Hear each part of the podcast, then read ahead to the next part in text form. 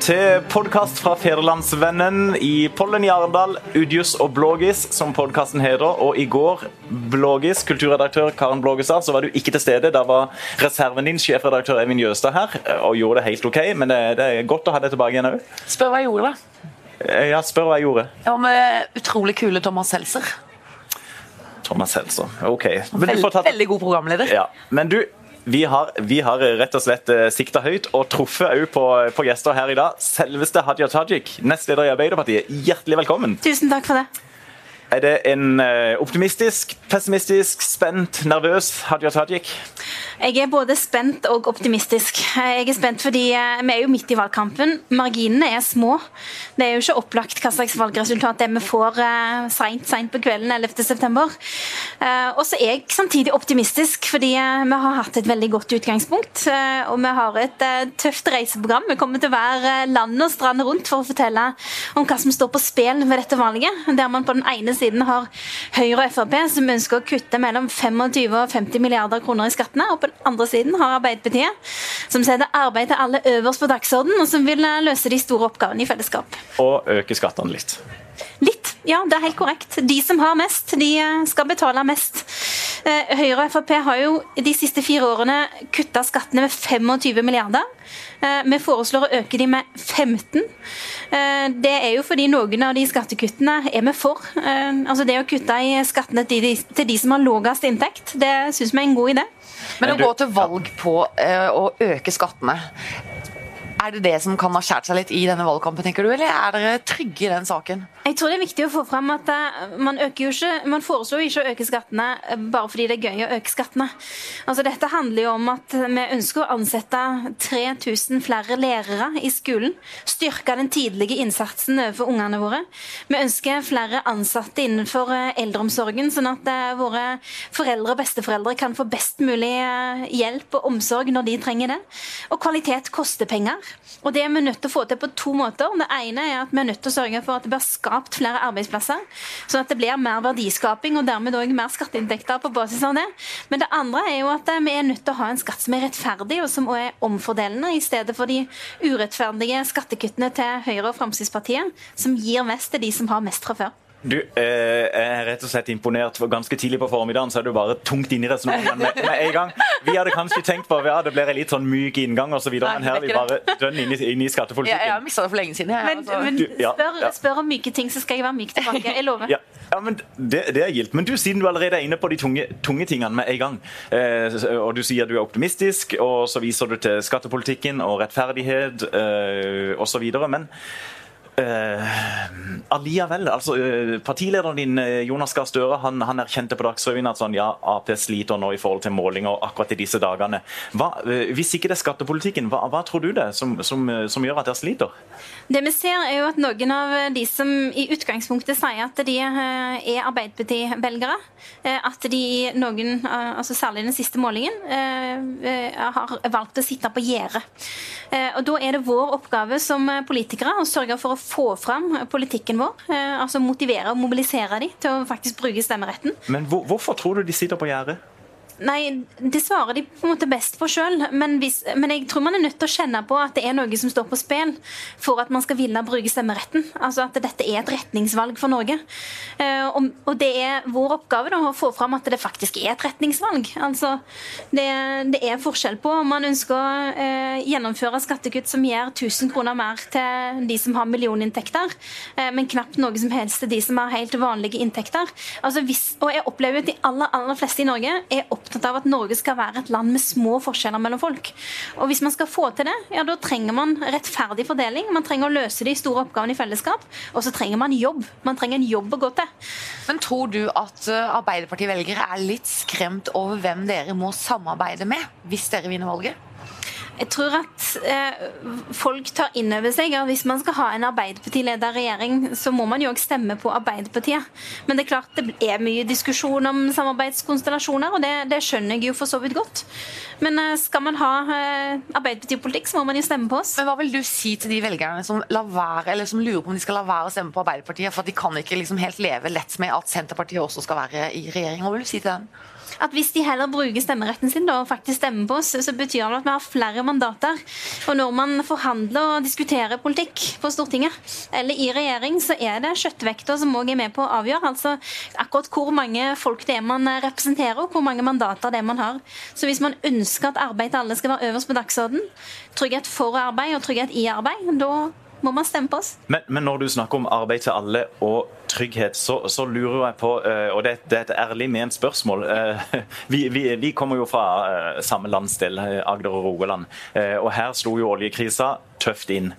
og På meg virker det som at Arbeiderpartiet la opp til en valgkamp basert på relativt høy ledighet og frykt for arbeidsplassene. Og Så kommer vi nå til sommeren 2017, høsten 2017, så er egentlig ledigheten ganske lav, og folk flest har det vel egentlig ganske OK. Har dere bomma litt på virkelighetsbeskrivelsen? Altså Det at arbeid er øverst på vår dagsorden, er ikke et strategisk valg. Vi heter Arbeiderpartiet. Altså hvis det, hvis det, hadde vært et strategisk valg, så ble det valget tatt på slutten av 1800-tallet. for å si det sånn. Og partiet ble stifta i selveste Arendal. Ja, det ble det. Ja. Um, så poenget mitt er at uh, vår tilnærming er jo at det som gir folk frihet og selvstendighet, det er at de har en lønn å leve av. Det gjør at eh, man får forma livet sitt sånn som man ønsker. Eh, det å ha en jobb å gå til har òg stor betydning for at man har det godt i livet sitt. Man er en del av et eh, arbeidsmiljø, man opplever at man bidrar til et fellesskap. Og så vet vi også at det har veldig mye å si for norsk verdiskaping og velferd at alle som kan jobbe, at de får muligheten til å jobbe. Men så opplever vel de fleste at ja, jeg har jobb.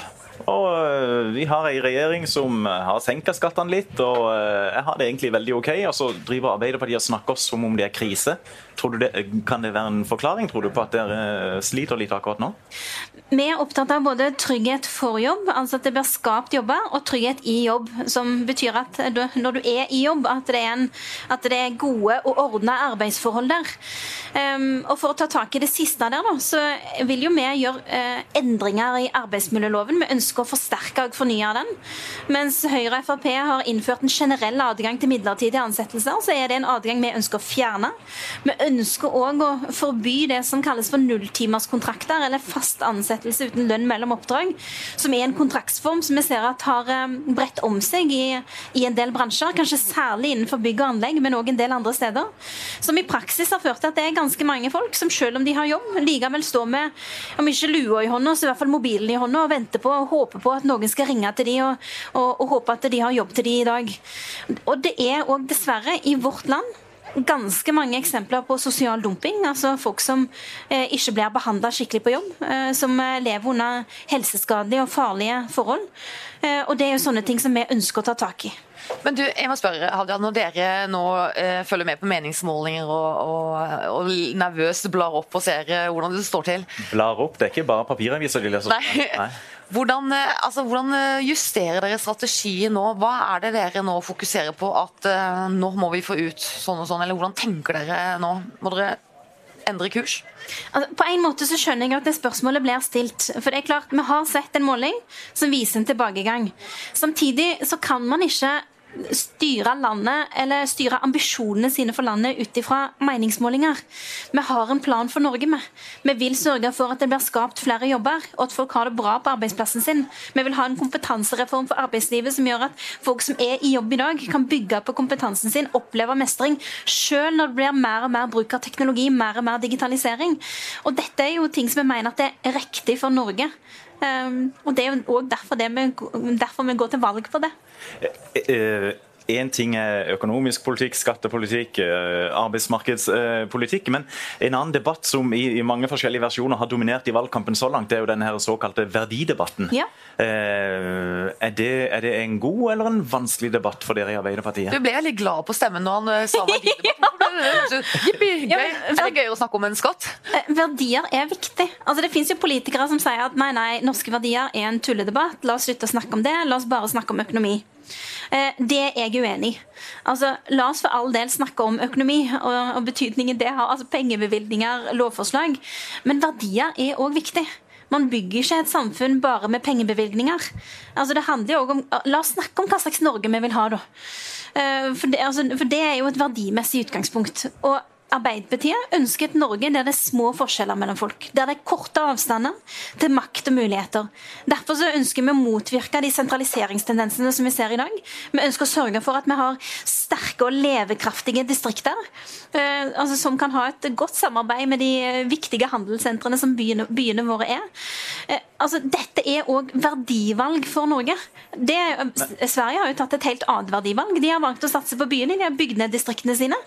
Og man ser også at det andre europeiske land som har store forskjeller mellom folk, og som ikke ser på det med en like stor bekymring som, som vi gjør i Norge. Men, men øh, hva skal en si, den, en del av den pågående verdidebatten er jo sånn sett satt i gang av, av Sylvi Listhaug i, i, Frp. Hun har jo vært veldig eh, krass eh, i, i, forhold til altså, debatten rundt hva skal man si, islam kontra kristne verdier, som hun, som hun fremstiller det. Og Dere har vel òg en sånn velgergruppe som vaker litt mellom Arbeiderpartiet og Frp, har dere ikke det? Hvordan håndterer dere det? Hvis vi skal være helt presise her, og jeg beklager at jeg er så pedantisk, men uh, nå har jeg invitert en tante til denne samtalen, da blir det sånn. Men uh, debatten ble satt i gang av Linda Hofstad Helleland og Ola Borten Moe. Og så er det klart at òg Fremskrittspartiet heiv seg på underveis. Ja. Uh, og det må man på en måte regne med òg i de store debattene i vår tid. Ja, du har helt rett. Ja. Ja, jeg beklager. Jeg tar selvkritikk. Ja. Det, ja. Dette er veldig flaut, Vidar. Ja, det, tar, er det lov å si deg opp som programleder? Sånn? Nei. Nei, jeg tror ikke Etterpå, det. Nei. Ja, Nei, men fortsett. fortsett. Ja. Men eh, jeg mener som sagt at verdidebatter er viktig. Eh, at eh, Det må vi òg gå inn i. Men den som jeg syns har håndtert verdidebatten på aller best måte, det er kongen vår. Som har klart å sette ord på noe av det beste med Norge. Det Norge vi har i dag. Der han snakker om at Norge er et land der folk er ulike og mangfoldige. Der man både kan tro på, på Gud og på Allah. Der man, man, kan digge både Kygo og Grieg. Og at man likevel er like norsk som noen. Og det å snakke om Norge på den måten som han da har klart å gjøre, det, det skulle gjerne sett at det var flere politikere som klarte. Men jeg vet, jeg vet ikke, og nå, nå, må jeg spørre deg også, Karen. Eh, for, for når, du, når, du, sier dette her, så tenker jeg likevel sånn Ja, men jeg forbinder ikke Arbeiderpartiet med verdidebatt. Da, mm. da tenker jeg på en måte sånn Listhaug kontra Hareide, og så, som du sier, Helleland eh, dro det i gang sammen med Ola Borten Moe. Men jeg vet ikke, og, og, bare for å spørre deg, Karen, forbinder du Arbeiderpartiet med en verdidebatt? Ja, til dels gjør jeg jo det. Det er jo solidaritet, internasjonal solidaritet, fellesskapsbygging osv. osv. Det synes jeg jo er en Nå høres jeg ut som en Arbeiderpartipolitiker, det blir litt feil. Ja, det, ja, men det var helt rett svar. Ja, det var, det var rett svar. Men, men, men, for å spørre sånn, mer spesifikt, er det vanskelig for dere i Arbeiderpartiet når verdidebatten begynner å handle om eh, religioner, tro, kristendommens stilling i Norge, er det vanskeligere for dere enn nestekjærlighet, solidaritet, eh, fellesskap osv.? Altså, Jeg syns jo ikke det. Jeg, jeg kommer jo uh, sjøl fra en liten plass uh, der, uh, altså, der det er òg uh, mange som jeg praktiserer, de, praktiserer kristendom. du kommer fra bibelbeltet? ja, jeg gjør det. Ja. Men jeg Noen praktiserer det mandag til fredag, noen gjør det òg på søndag. Det varierer jo litt. Men poenget mitt er at jeg syns ikke det er så vanskelig. men det er klart at det kan godt hende at Arbeiderpartiet bør bli enda flinkere til å vise fram dimensjonen i de valgene vi tar. For det er klart at Nå har vi snakket en del om skattekutt og penger her og penger der, men det er jo òg et verdivalg. Det å jobbe for likestilling er jo òg et verdivalg. Og det å få fram nettopp det, at eh, når vi ønsker å fjerne kontantstøtta, ønsker å bygge flere barnehager, ønsker å få ned maksprisen, så handler det ikke bare om penger hit eller dit. Det handler om verdier. Det handler om at damer skal ha de samme mulighetene som menn, og at menn skal ha de samme mulighetene som damer. Men du, eh, Jeg var på landsmøtet til Arbeiderpartiet, og der var det jo en liten sak på det programmet som alle trodde skulle være nokså smertefri, men som ble en stor diskusjon, og det var K-en i KRLE. Mm. Og du ønsket vel å beholde den? Ja, det er helt riktig. Var det for å være litt uh, venn med Knut Arild, som for øvrig kommer her i podkasten nå like etter deg? Nei, uh, men det er kjekt å være venn med Knut Arild. Men, det? men det, altså, man kan ikke drive politikk for å tekkes andre. så når jeg har foreslått å beholde K-en i KRLE, så har det vært fordi jeg mener at det er riktig for Arbeiderpartiet. Hvorfor er det riktig for Arbeiderpartiet? Altså, eh, K-en i KRLE, dette blir et litt langt svar. Men eh, det har jo vært mye diskusjon om den før. Eh, og det har vært eh, en dom i Strasbourg knytta til innretningen på eh, faget, som har, som har skapt mye diskusjon internt hos oss. Og der man er opptatt av at kristendommen ikke skal på en måte overskygge en del av de andre religionene som man òg skal undervises i og også skal ha kunnskaper om. Det jeg er opptatt av, er at vi må klare å gjøre begge deler. Vi må klare å skape rom for kunnskap og innsikt i ulike religioner, fordi det er en del av den norske virkeligheten i dag, og det er en del av virkeligheten i verden.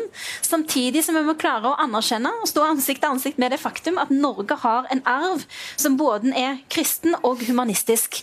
Og det er utvetydig slått fast i skolens egen formålsparagraf. Det står der at, eh, at opplæringa er, og er eh, altså bundet i en kristenhumanistisk arv. Og da eh, gjør det ingenting at det òg kommer til uttrykk i navnet på, på religionsfaget. Men den K-en forsvant altså da? Eh, Ja, og var du det- overrasket over det? Altså Det interessante eh, er jo at det var en ganske jevn avstemning på Arbeiderpartiets landsmøte. Og Arbeiderpartiet har jo i veldig mange år vært mot K-en i KRLE. Så egentlig så eh, tok jeg det som en liten personlig seier, jeg. At det var, eh, at det var en så jevn avstemning som det var på det og, hva tror du det skyldes at det nærmest ble et stemningsskifte i Arbeiderpartiet? Hva, hva, hva tror du lå til grunn for det? Altså, dette er jo en debatt som har gått en stund, òg i vår egen organisasjon. Og jeg opplever at det er det som er utgangspunktet for at, eh, at det òg ble en debatt på vårt, eh, vårt landsmøte. Nå er det jo sånn at det er landsmøtet som bestemmer, så nå er jo vedtaket det at eh, Arbeiderpartiet vil ta K-en bort. Men eh, det må likevel kunne gå an å si at arven vår er kristenhumanistisk. For det er den jo, og det er jo et faktum. Du er ganske flink til å snakke for seg. Jeg føler vi skal få et diplom nå. i- Føler du, vi, føler du vi, vi sliter som programledere, tenker du? Ja. Nei, Men, det er trivelig. men du, kan vi Det var egentlig et sånn fint avbrekk. Skal vi skifte tema helt? La oss gjøre det. Ja, rett og slett. Litt vekk ifra, ifra dønn seriøs, tung eh, politikk til ditt liv som eh, en eh, sentral, viktig politiker i en hektisk valgkamp. Er det eh, Jeg skal ikke spørre om det er gøy, for så svarer du at det er veldig interessant å få møte masse mennesker osv. Men blir du av og til utkjørt, sliten, tenker 'Å, herre jemen, ja, så er det tre og en halv uke igjen'? Ja, det gjør jeg. Altså, eh, I starten er valgkamp gøy. Man reiser rundt, man treffer masse folk, man har masse energi. Man tenker yes, dette er, dette er så bra. Nå er det liksom bare strake veien fram mot eh, valgdagen. Nå skal vi gønne på, og det blir så kjekt.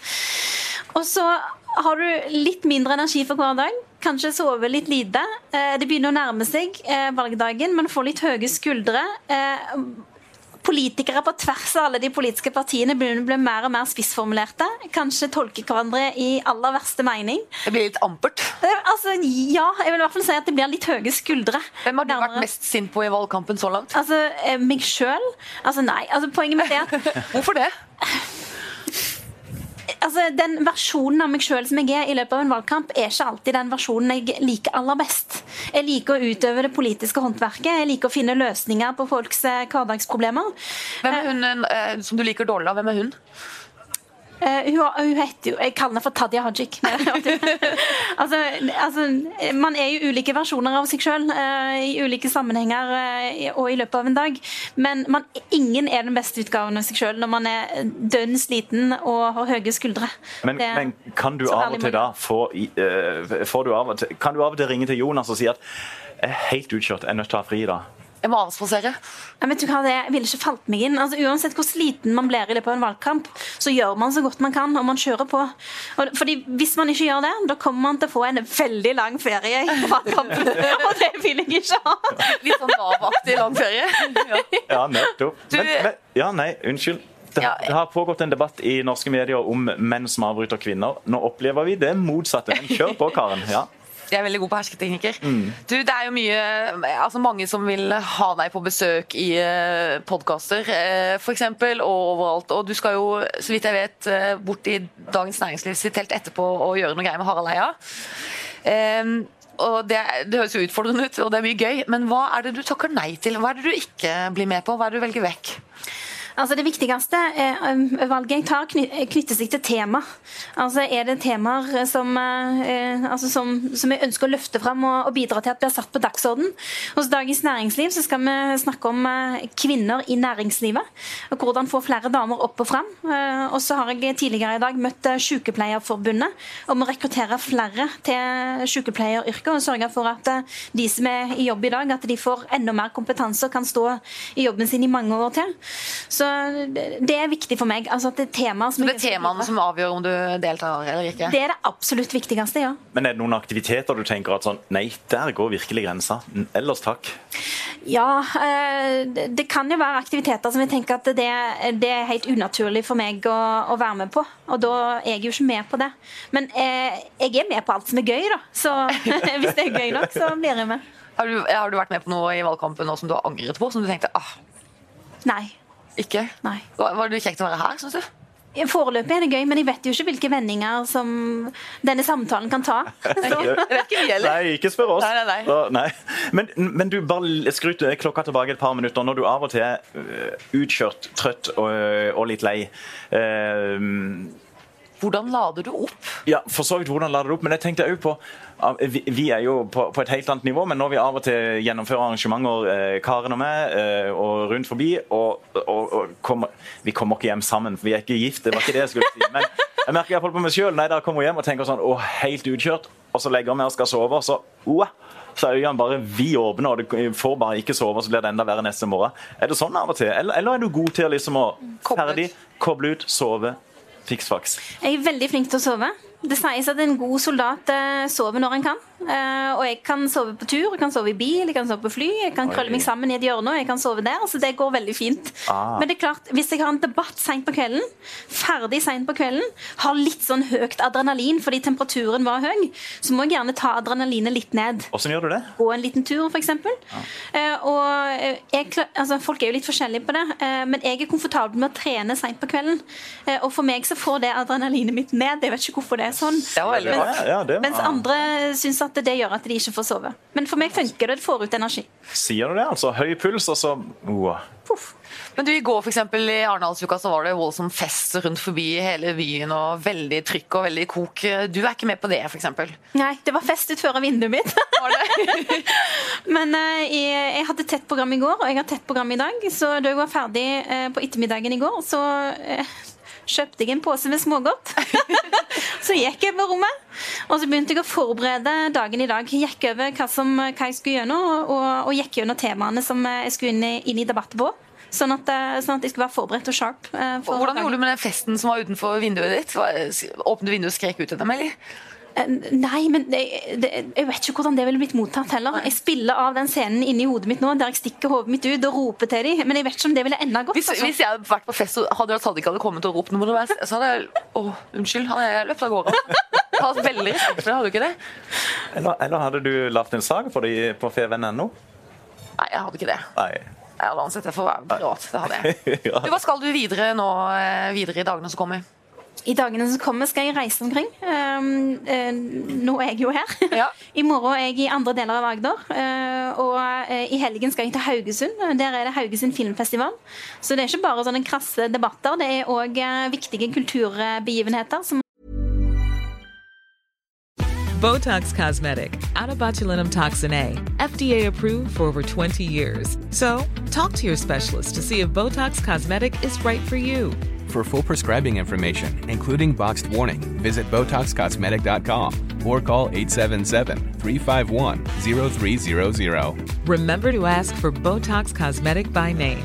To see for yourself and learn more, visit BotoxCosmetic.com. That's BotoxCosmetic.com. Han får lov til å delta på en valgkamp, så det gleder jeg meg veldig til. Og, ja. Nei, i, i, i, forlengelsen av dette, her, og for å knytte trådene litt sånn til, til, begynnelsen og til litt uh, tyngre temaer. Hva håper du dere klarer å sette på dagsordenen i dagene og ukene framover? Hva, hva, hva, er målet, på en måte? Hvordan, hvordan vil dere dreie debatten for å mobilisere som du sier, og få velgere ned fra gjerdet? Altså Det handler om å få fram at uh, ting står på spill for Norge. At Hvis man er opptatt av vanlige arbeidsfolk og vanlige arbeidsfolk sin hverdag, så må man stemme på Arbeiderpartiet. Fordi det man har sett, er jo at Høyre og Frp har valgt å ikke lytte til arbeidstakerne. De har gjort store endringer i arbeidsmiljøloven på tvers av deres ønsker.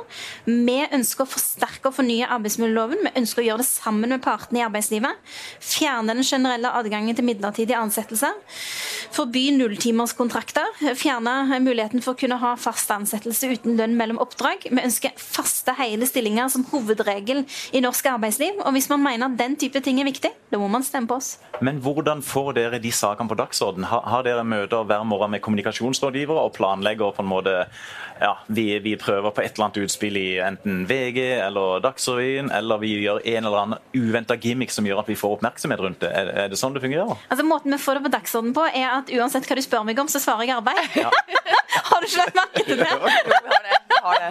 Men en annen måte ja, ja. Jeg skal ikke tøyse det vekk. Altså. Det er klart, Man jobber jo strategisk òg. Ja. Vi har masse flinke folk som eh, bidrar til å organisere og koordinere, og som sørger for at det òg, i tillegg til den generelle reisevirksomheten, òg er store markeringer underveis. Vi har, hatt, eh, vi har lagt fram en eldreplan eh, der vi altså, kommer med flere forslag til hvordan vi kan gjøre framtidens eldreomsorg enda bedre på kvalitet. Annet at vi vil gi en kjærlighetsgaranti til våre godt voksne som uh, kanskje må bo på sykehjem. Altså at de kan bo sammen med den de, er, den de er glad i. Vi har lagt fram en plan for skolen der vi bl.a. sier at uh, vi vil sørge for 3000 flere lærere for å styrke den tidlige innsatsen på skolen. Og det vil selvfølgelig komme flere ting både på helse og på arbeid og på andre ting som er viktig for Norge. Men, men for å nå fram med det budskapet, er det Eh, satser dere på tradisjonelle medier, eller er det, er det Facebook eh, dere bruker aktivt? Er det Twitter? Er Twitter for eliten? Er det andre måter eh, dere, dere jobber på? Helt bevisst nå i innspurten av en valgkamp? Vi er nødt til å være der folk er. Og folk er her ute i Arendal. Eh, man møter dem på gata. Derfor så har vi stands ute og treffer folk. Eh, folk er på sosiale medier.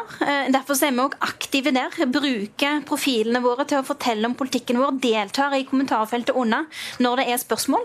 Ja, og folk leser ja. de tradisjonelle mediene. og Da er det viktig for oss både å søke omtale og få synligheter. Kan jeg bare spørre når du nevner kommentarfeltene i sosiale medier, for der er det jo ikke, det er jo ikke alltid det er voldsom kvalitet, må vi ha lov til å si, på, på alt som foregår der. og Vi merker det også i Feven. Vi prøver å moderere moderere, og allikevel så kommer det gjennom av og, det, av og, til en del ting som vi tenker det, det liksom, på det nivået skal vi ikke diskutere. Men eh, er du mye inne og ser kommentarer om deg sjøl og tenker herlig land at det går an? Du, jeg er ganske herda. Um, jeg har drevet med eh, politikk i ulike nasjonale verv i snart ti år. Eh, og jeg har sett mye rart det eh, ble skrevet om meg. Eh, og det gjorde nok mye mer inntrykk på meg da jeg var 23 enn det det gjør i dag når jeg er 34 og har opplevd det en stund. Men altså, Poenget mitt er du trenger ikke bekymre deg for meg, men jeg tror vi bør være bekymra for de mange som ikke har den mengdetreningen. Altså F.eks. en familiefar som skriver et innlegg i lokalavisen om et eller annet som kan være et betent eller kontroversielt tema i, i hans eh, lokalsamfunn. Og i kommentarfeltet under der, til og med da, så kan det stå ganske mange stygge ting. Mm. Og den familiefaren må da gjøre den avveiningen. Skal jeg stå i dette her? Skal mine unger som er sju-åtte år gamle etter hvert kan lese, lese eh, de tingene som står om far sin? Altså, det gjør jo nok at en del folk vegrer seg for å delta i den offentlige debatten. Og det bekymrer meg. Men når du er ute og møter mennesker, hvordan er stemningen da? Hvordan oppfører velgerne seg i møte med en toppolitiker som deg? Er de sinna, eller kommer de med innspill, eller eh, Vet du hva? er de greie, liksom? Altså, dette, dette, er så fint å kunne si. og det er at eh, for Når man leser kommentarfeltene, så kan man tenke i alle dager eh, hva slags folk er det som er der ute. Men, ja. men de er tøffe i pysjamas, altså. Ja. Fordi de folkene som jeg møter ute, det er eh, altså folk som er blide, positive. Noen kan ha kritiske spørsmål, men altså, folk oppfører seg veldig ordentlig når du møter dem ansikt til ansikt. Hmm. Men kan, Nå skal du få lov til, til, å, til å, gå videre, Hadia, for du er, du er, et travelt menneske. Men bare i forhold til dette med sosiale medier og Facebook. I går eh, kveld så var John Podesta her i Arendalsuka, valgkampsjefen til, til, Hillary Clinton. Eh, og Han sa at de undervurderte i innspurten av valgkampen betydningen av særlig Facebook og all den negative kampanjen som der ble sluppet løs de, de siste par ukene. Eh, har dere et eller annet, et eller annet sånn, sånn, krigsrom nærmest med folk som overvåker sosiale medier hele tida, og som bare skal stoppe ethvert tilløp til eh, hva skal si, negative angrep mot, mot Arbeiderpartiet? Altså, Vi har jo folk som følger med, eh, men jeg tror ikke man kan sammenligne norsk valgkamp med amerikansk valgkamp på dette. Der har man altså i USA nok opplevd eh, veldig systematiske eh, negative kampanjer som er direkte personretta, eh, og, eh, og, som det kan være veldig sterke krefter som står bak. Eh, I Norge, selv om man kan se tilløp til personangrep og man kan se negative saker ble delt hyppig av politiske motstandere på Facebook, så er det likevel ikke av et omfang som man ser innenfor amerikansk politikk, heldigvis. Og det er viktig at vi opprettholder en viss anstendighet òg i, i norsk politikk. Så alt i alt så tenker du vi er heldige som har det nivået vi har i, den, i det offentlige ordskiftet? Ja, altså alt i alt så går det ganske bra i Norge når det gjelder det offentlige ordskiftet. Men eh, det er et felles politisk ansvar å sørge for det. Og for meg så er det viktig at jeg da går inn i kommentarfeltet på min Facebook-side eh, er tydelig på eh, hva som er akseptabelt og ikke. Så når det kommer krasse eller hatefulle utfall eller ytringer på min side, så, så er min filosofi at jeg ikke fjerner det, men at jeg tar til motmæle mot det. Flott. Du, jeg lurte på en ting. Det er, jo, jeg tenkte, det er jo litt sånn symptomatisk, kanskje også for at vi skal jo ha Knut Arild Hareide som gjest her nå. Men han er ikke kommet. Men vi sitter sammen med Arbeiderpartiet og venter på KrF liksom nå. Så litt sånn følelse Å, du tenker symbolsk? Jeg tenkte at nå ja. føler jeg meg litt som Arbeiderpartiet. Ja, ikke sant? KrF, når kommer, når kommer KrF? Ja. Nei, det, nei, nei, det kan du si. Vi, eh, da er vi skuffa over KrF, og så støtter vi Arbeiderpartiet så langt. Kan vi ikke si det? Hei, ja. det er 1-0 til Arbeiderpartiet, vil jeg si. Men du, Hadia Tajik, du, vi, vi, hadde en eh, avtale om å få låne det inntil en halvtime, og den tida har rett og slett gått. så tusen hjertelig takk for at du kom, og lykke til videre med valgkampen. Så eh, kan kan dere ikke si til slutt hva må dere ha i valget? Dere fikk 30,8 sist. Hva, hva, hva kom med tall. Kom med et tall. Vær litt frekk nå. Kom igjen. Ja. Nei, altså, Jeg syns ikke, ikke, at det er riktig å operere med, med sånne tallemål. Men uh, vi ønsker å mobilisere så mange som mulig til å stemme på oss. Fordi det er viktige ting som står på spill. Ikke minst uh, hvis man vil ha et Norge med små forskjeller, så må man jo òg stemme på Arbeiderpartiet. Men det må over 30,8, må det ikke det? Du får meg ikke utpå her, vet du. 36,9 er det et aktuelt tall? Nei. Altså, det er jo et flott tall, ingen tvil om det. Men uh, gamle tanter blir ikke med på sånne, sånne deg, Da kan jeg få det siste spørsmålet. Okay. Hvis dere nå taper valget, hvor skuffa blir en dreven politisk, uh, politiker som deg da? Altså, hvor uh, personlig blir det for deg? Hvor stor blir sorgen? Krisen? Altså, Nå går vi inn for å vinne valget. Ja, det har skjønt. Og har innstilt absolutt eh, alle eh, deler av meg på at eh, nå kjører vi på for å få dette til. Ja. Eh, få ut budskapet. Det var feil spørsmål, prøver du å si. jeg bare understreke det. Eh, men det er klart at når man går, eh, går, inn for det på den måten, fordi vi mener at det er riktig for Norge, at man trenger et retningsskifte for landet vårt, så, så, er det jo skuffende å tappe valg. Jeg har vært med på å tappe valg. Det er jo ikke noe hyggelig å gjøre det. Men gråter du liksom? Sitter du hjemme og Nei, vet du hva. Eh, jeg blir skuffa. Det blir jeg. Ja. Eh, men så mener jeg at eh, For det gjorde vi i 2013. At man da har en ordentlig sjølransakende runde på hva, hva, hva, kunne man gjort bedre? Hva må man gjøre annerledes? Altså ta tak i de, de sidene ved det. Skjønner. Da skal du få lov til å slippe unna oss. Tusen takk for at du var gjest hos oss i vår podkast, og lykke til videre i valgkampen. Takk skal du ha. Takk skal du ha. Og så må du gå for varmen òg. Det er kaldt på vår. Ja, det er kaldt. Ja. Takk skal du ha. Rett og slett. Du, Karen, får, uh, nå prøvde jeg å ringe etter uh, pressemannen til, til Hareide, som, uh, som ennå ikke har vist seg. Men det er jo livesending, så vi holder det gående. Så er du ikke enig i det? vi skal sitte her og tørreprate om politikk. Ja, nå, gir vi, nå gir vi han tre minutter til, så ser vi om han kommer. Skal vi det? Jeg mener jo det. Ja. Ok, Hva skal vi snakke om da? Nei, Vi kan snakke om norsk politikk. Valgkamp. Ja. Nei, du, tror... Du, jo, kom igjen, helt ærlig. Hva syns du om valgkampen så langt? Nei, Jeg syns den er bra. Jeg syns energien er, den er tett. Den begynner å bli litt uh, amper. Folk er i kampmodus. Så det syns jeg er uh, Jeg hører mye av det motsatte. At uh, det er liksom ingen stor sak som dominerer. Og eh, i TV-debatten, partilederdebatten, partilederne avbrøt hverandre. Eh, forvirring oppfatter jeg mer. Det er jo litt sånn, for Vi har jo små problemer i Norge, tross alt. Vi er jo et, det er mye ilandsproblematikk her. Det er små justeringer i politikken, og sånn, og det smitter jo litt på sakene. Hvilken stor sak skulle eh, blitt løfta fram? Verdidebatt, flyktningsak. Ja, men Verdidebatten eh, ruler jo, men, men, samtidig den inneholder så mye. Hva tenker du? Hva er norske verdier for deg? Um, det er uh, Jeg er litt uh, små ulikheter som Nei, se der! Nei. Å, har du sett? KrF svikter. Litt seint ute, men de svikter ikke. Nå var vi i gang med verdidebatt, vi. Vi klarte oss egentlig ganske godt alene. Gjorde vi ikke det? jo, det syns jeg. Velkommen, Knut Arild Hareide. Tusen, tusen takk. Det, vi, eh, vi, holder rett og slett på å tørre prate, for vi, vi var bekymra for at ikke du skulle komme. Jeg er veldig men, glad du kom. Jeg beklager at jeg er forsinka. Hvorfor det, er du forsinket? Du, det er fordi at uh, Åse Marit Befring i NRK stilte det samme spørsmålet 22 ganger om samarbeid. Ble du lei? Uh, og hun fikk, uh, tror jeg, 22 ganske like svar.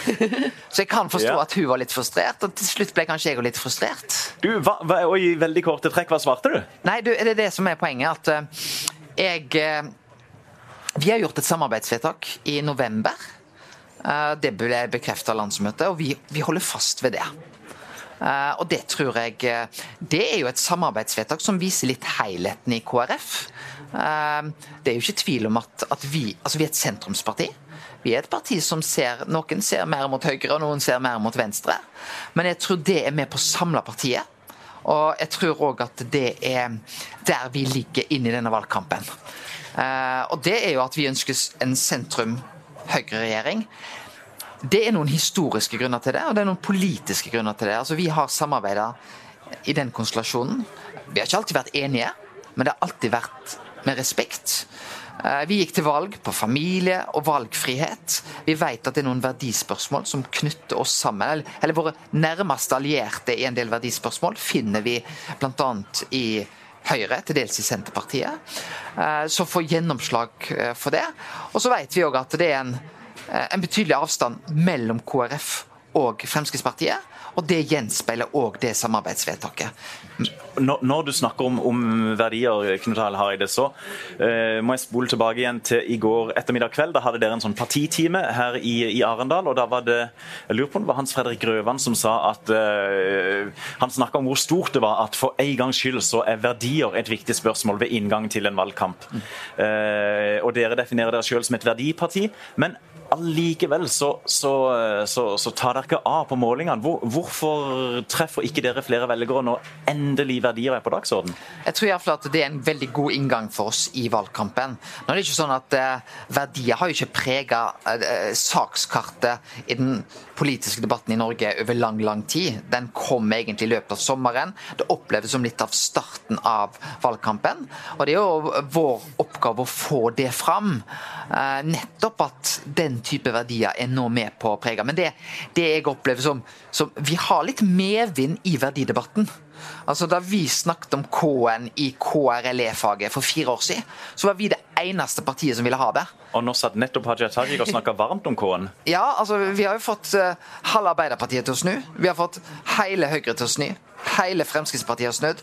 Hele Senterpartiet har snudd. Ta søndagen som òg en sak som det er et flertall i Stortinget for å få full shopping på søndagen. Men Hvordan kan du ta æren for det, du? ja, Det tror jeg er at vi har vunnet den politiske debatten om det. Jeg tror at eh, Det er en del folk i vårt land som kjenner på en uro fordi vi er i forandring. Eh, det er nok noe av noen verdier som noen innvandrere kommer hit som det er viktig at vi tar en avstand til. Og jeg tror da å ha noen røtter i bunn, noe som er med på å kunne gi en trygghet, identitet, det er viktig. Og Derfor så tror jeg at, eh, at kristendommen skal ha en sentral plass i det offentlige rom, i samfunnsdebatten, i vår kultur. Det er jo selvsagt, men bevisstheten rundt det tror jeg faktisk innvandringsdebatten har med på å gi til det norske folk. Men når du snakker om innvandringsdebatt og disse og kristne verdier, så vil veldig mange velgere tenke å ja, Listhaug. Det er jo hun som er opptatt av dette her. Hvor, hvor, hvor eh, farlig konkurrent er Frp for KrF i verdidebatten? Jeg, tror I verdidebatten så tror jeg egentlig at det er ikke Fremskrittspartiet som er vår fremste konkurrent. Der er det Arbeiderpartiet, Høyre, Senterpartiet som, som i realiteten konkurrerer om, om våre velgere der. Men, eh, og det Sylvi Listhaug ønsker å si, er at hun er den eneste som tar avstand fra den ekstreme islamismen. Det er jo feil. Det er et samla politisk Norge som gjør det. Det er et samla politisk Norge som ønsker eh, å stille krav. Eh, Det er, et, det, det er ingen parti som går for åpne grenser. Og vi har jo egentlig breie forlik rundt, eh, eh, rundt disse spørsmålene i vårt land. Men hvor smertefullt er det for KrF å støtte en regjering som har Listhaug som eh, innvandringsminister? Altså, Vi hadde jo gode samtaler for fire år siden i Nydalen. Men vi konkluderte jo med at den politiske avstanden mellom KrF og Fremskrittspartiet er så stor at det å være sammen i ei regjering, det er ikke naturlig. Og når vi nå går inn i dette valget, så har vi samme konklusjon. De fire årene som har gått nå, har jo vist noen tydelige politiske avstander til eh, Fremskrittspartiet. Og den, den retorikken som Sylvi Listhaug eh, møter flyktninger med, den har ikke gjenklang eh, blant det kristne grunnfolket. Er det en ukristelig retorikk? Jeg- Jeg velger å ikke bruke den type uttrykk. Eh, Jeg syns det går an å være tydelig mot den eh, retorikken. Fordi med en gang jeg bruker kristelig, ukristelig, da er vi litt innenfor et annet eh, regime. Eh, vi prøver å skille at det er noen oppgaver som er politikkens, noen andre oppgaver er trossamfunn. Når Listhaug beskylder deg for å sleike imamer opp etter ryggen, da Kan du ta litt ja, du eh, kan jo dra litt til. Ja, kom igjen. Eh, det kan jeg gjerne, men jeg tror vel at kommunikasjonseksperten Sylvi Listhaug eh, syns det er litt trist at nå vil hun bli brukt som et case på hvordan en ikke skal opptre i kommunikasjon. Eh, Ja, sier du det? Eller, eller, vil andre si at eh, hun klarer å legge premisser for debatten? hun greier å sette noen agenda, men akkurat den kommentaren om eh, sleiking det var en, mener jeg, en bommert. Og hun gikk jo veldig langt til å si at det var ikke klokt. Og da er det vel det så nærme Sylvi Listhaug kan bli på å snu. Du, det, bare en liten personlig refleksjon. Det syns jeg er pussig at ikke flere politikere av og til sier Beklager, det var, det var feil, feil ord. Det gikk over styr. Uh, selvkritikk. Istedenfor liksom dette her sånn Ja, jeg hadde kanskje valgt litt andre ord i ettertid hvis jeg hadde hatt mulighet til å Er det for lite selvkritikk blant politikere, eller koster det for mye å si at eh, beklager? Jeg tror Sylvi Listhaug hun hadde, uh, hun hadde kommet bedre ut hadde hun sagt uh, jeg beklager den ordbruken. Har du beklaget noe noen gang? Ja. Eh, jeg sto for fire år siden i Stortingets vandrehall, og så sa jeg at eh, når det gjelder asylbarna På fire uker har vi fått mer til enn SV fikk til eh, på åtte år. Åtte år, ja. Det opplevde jeg var feil av meg, og jeg beklager Før noen ba meg om å beklage, så skrev jeg et brev til Audun Lysbakken og sa SV har aldri vært asylbarnas problem. Jeg beklager. Hvilke det. reaksjoner fikk du på det i ettertid? Eh, jeg kan jo si at internt i KrF så det er få saker jeg har fått mer klapp på skuldra for. Det likte KrF-erne. Ikke fordi de hadde tenkt- sånn, De er gode på det. Ja, tilgivelse er helt tydelig at der, det, det er, syns KrF Ja. er en Ja. god verdi. Ja. Og, og, eh, men jeg gjorde det fordi jeg følte at jeg gikk litt over kanten. Eh, Der ønsker jeg ikke å være. Og jeg ønsker heller ikke Hadde jeg på en måte vært litt tydelig mot Arbeiderpartiet, som jeg syns var vassende mot asylbarna under de åtte rød-grønne årene, men jeg tok SV, et parti som har kjempa, og som overhodet ikke var problemet. Um, og det, det var min samvittighet. Men du, Eh. apropos Arbeiderpartiet, hadde det ikke da vært deilig Taril, å børste vekk Sylvi Listhaug og takke ja til det stadig pågående frieriet fra Jonas Gahr Støre? Altså, vi er jo et politisk parti som er nærmere Arbeiderpartiet enn Frp. Men jeg tror at vi kan få til mest i et samarbeid nettopp i sentrum-høyre. Altså, vi, hva er det ved Høyre som gjør det til et mer attraktivt parti? Vi har, vi har veldig kort eh, tid igjen av sendinga, Karen. Og hvis du nå skal inn på de der store politiske skillelinjene da- ja, vi, vi rekker det rett og slett ikke. Har du lovet at han skal slippe unna? For Han Nei, jo for seint. Ja, han kom Ja. for sent, men han sa han måtte svare 23 ganger på det samme spørsmålet om samarbeidsgreiene, så da vet vi hva vi får. Da blir det sentrum høyre, og så tar du de fra det. Men eh, kan jeg helt på slutten switche til noe helt annet? ja. Eh, og uten å gå over en sånn eh, privat grense, jeg. Men du er jo, eh, du er jo selvsagt kristen. Be, ber du for et godt valgresultat for KrF? Nei, det gjør jeg ikke. Hvorfor ikke det? Jeg ber om at Fordi at det, det er noen ting jeg syns det er ikke er riktig å be om. Og, og jeg ber om Men jeg kan be om at det, vi har en god valgkamp. Om vi kan få fram sakene. Men faktisk i det perspektivet så blir politikken valgresultatet litt smått om KrF får 6,2 eller 5,7. Han har viktigere ting å Eh, Det er, det er nesten noe, men, men jeg kan be om at vi får en valgkamp der det er verdier på dagsorden. Men, eh, og, og fordi at i det perspektivet, med tro, så er det viktigere for meg at eh, mennesket kjenner på troa og blir frelst, enn hva politisk parti eh, de støtter. Og jeg respekterer det er kristne i alle andre parti. Eh, og jeg er opptatt av å selvfølgelig få fram alt, men jeg kan be om at jeg gjør en god jobb som KrFs politikk eh, nå gått fram. Jeg følte ikke meg helt bønder på mandag for øvrig, eh, på, det, på, på det området. Eh, Karen syns du gjorde en kjempejobb. eh, takk for det, da. Ja, ja. Eh, men jeg har nok hatt bedre kvelder enn akkurat den. Jeg kom litt for seint inn i debatten. Jeg var Ja, men I verdidebatten syns jeg du var god. ja, eh, Du den, fikk det, enormt lang og varm applaus fra hele salen på Store Torungen da. Ja, og det varma, og, og der syns jeg jeg traff. Men jeg, jeg kom ikke helt inn i debatten, og jeg skulle gjerne vært med i den viktige debatten. Og, og vi vet at partilederdebatter er med på å sette noe av stemningen inn i, inn i um, valgkamper. Du, Knut Arild Hareide, vi må avslutte, for det skal være ny, uh, d- eh, nytt arrangement på denne båten etterpå. Men vi vil si at det er veldig gøy å ha hatt besøk av en partileder som en erklært lytter til podkasten Udius og Blågis. Det stemmer. Og jeg syns det var hyggelig at Kjell Ingolf var gjest nå i siste utkast. I Eh, og ja, du følger til og med at dere debatterer om dere er for snille med starteierne eller ikke. eh, er noe som eh, er Han hører på oss, altså. Ja. Dette var Ja. Det, og et litt ledende spørsmål til slutt. Vil du anbefale andre partiledere å lytte til? Det vil jeg absolutt. Eh, og eh, jeg har følt Og det gir et innblikk som er veldig interessant. For dere løfter det rikspolitiske, men det er klart debattene på Sørlandet er ikke alltid fanga opp i riksmedia, og dere er en utrolig viktig utkikkspost eh, nettopp der. Og du har jo mange velgere i vår region, så du eh, Ja, og jeg har svigerforeldre der, så jeg er nødt til å være oppdatert. Jeg merker jeg sitter med folda hender. Litt fordi det er kaldt også, det må jeg tilstå. Men Knut Arild Hareide, tusen takk for at du kom, og lykke til videre i valgkampen. Tusen takk.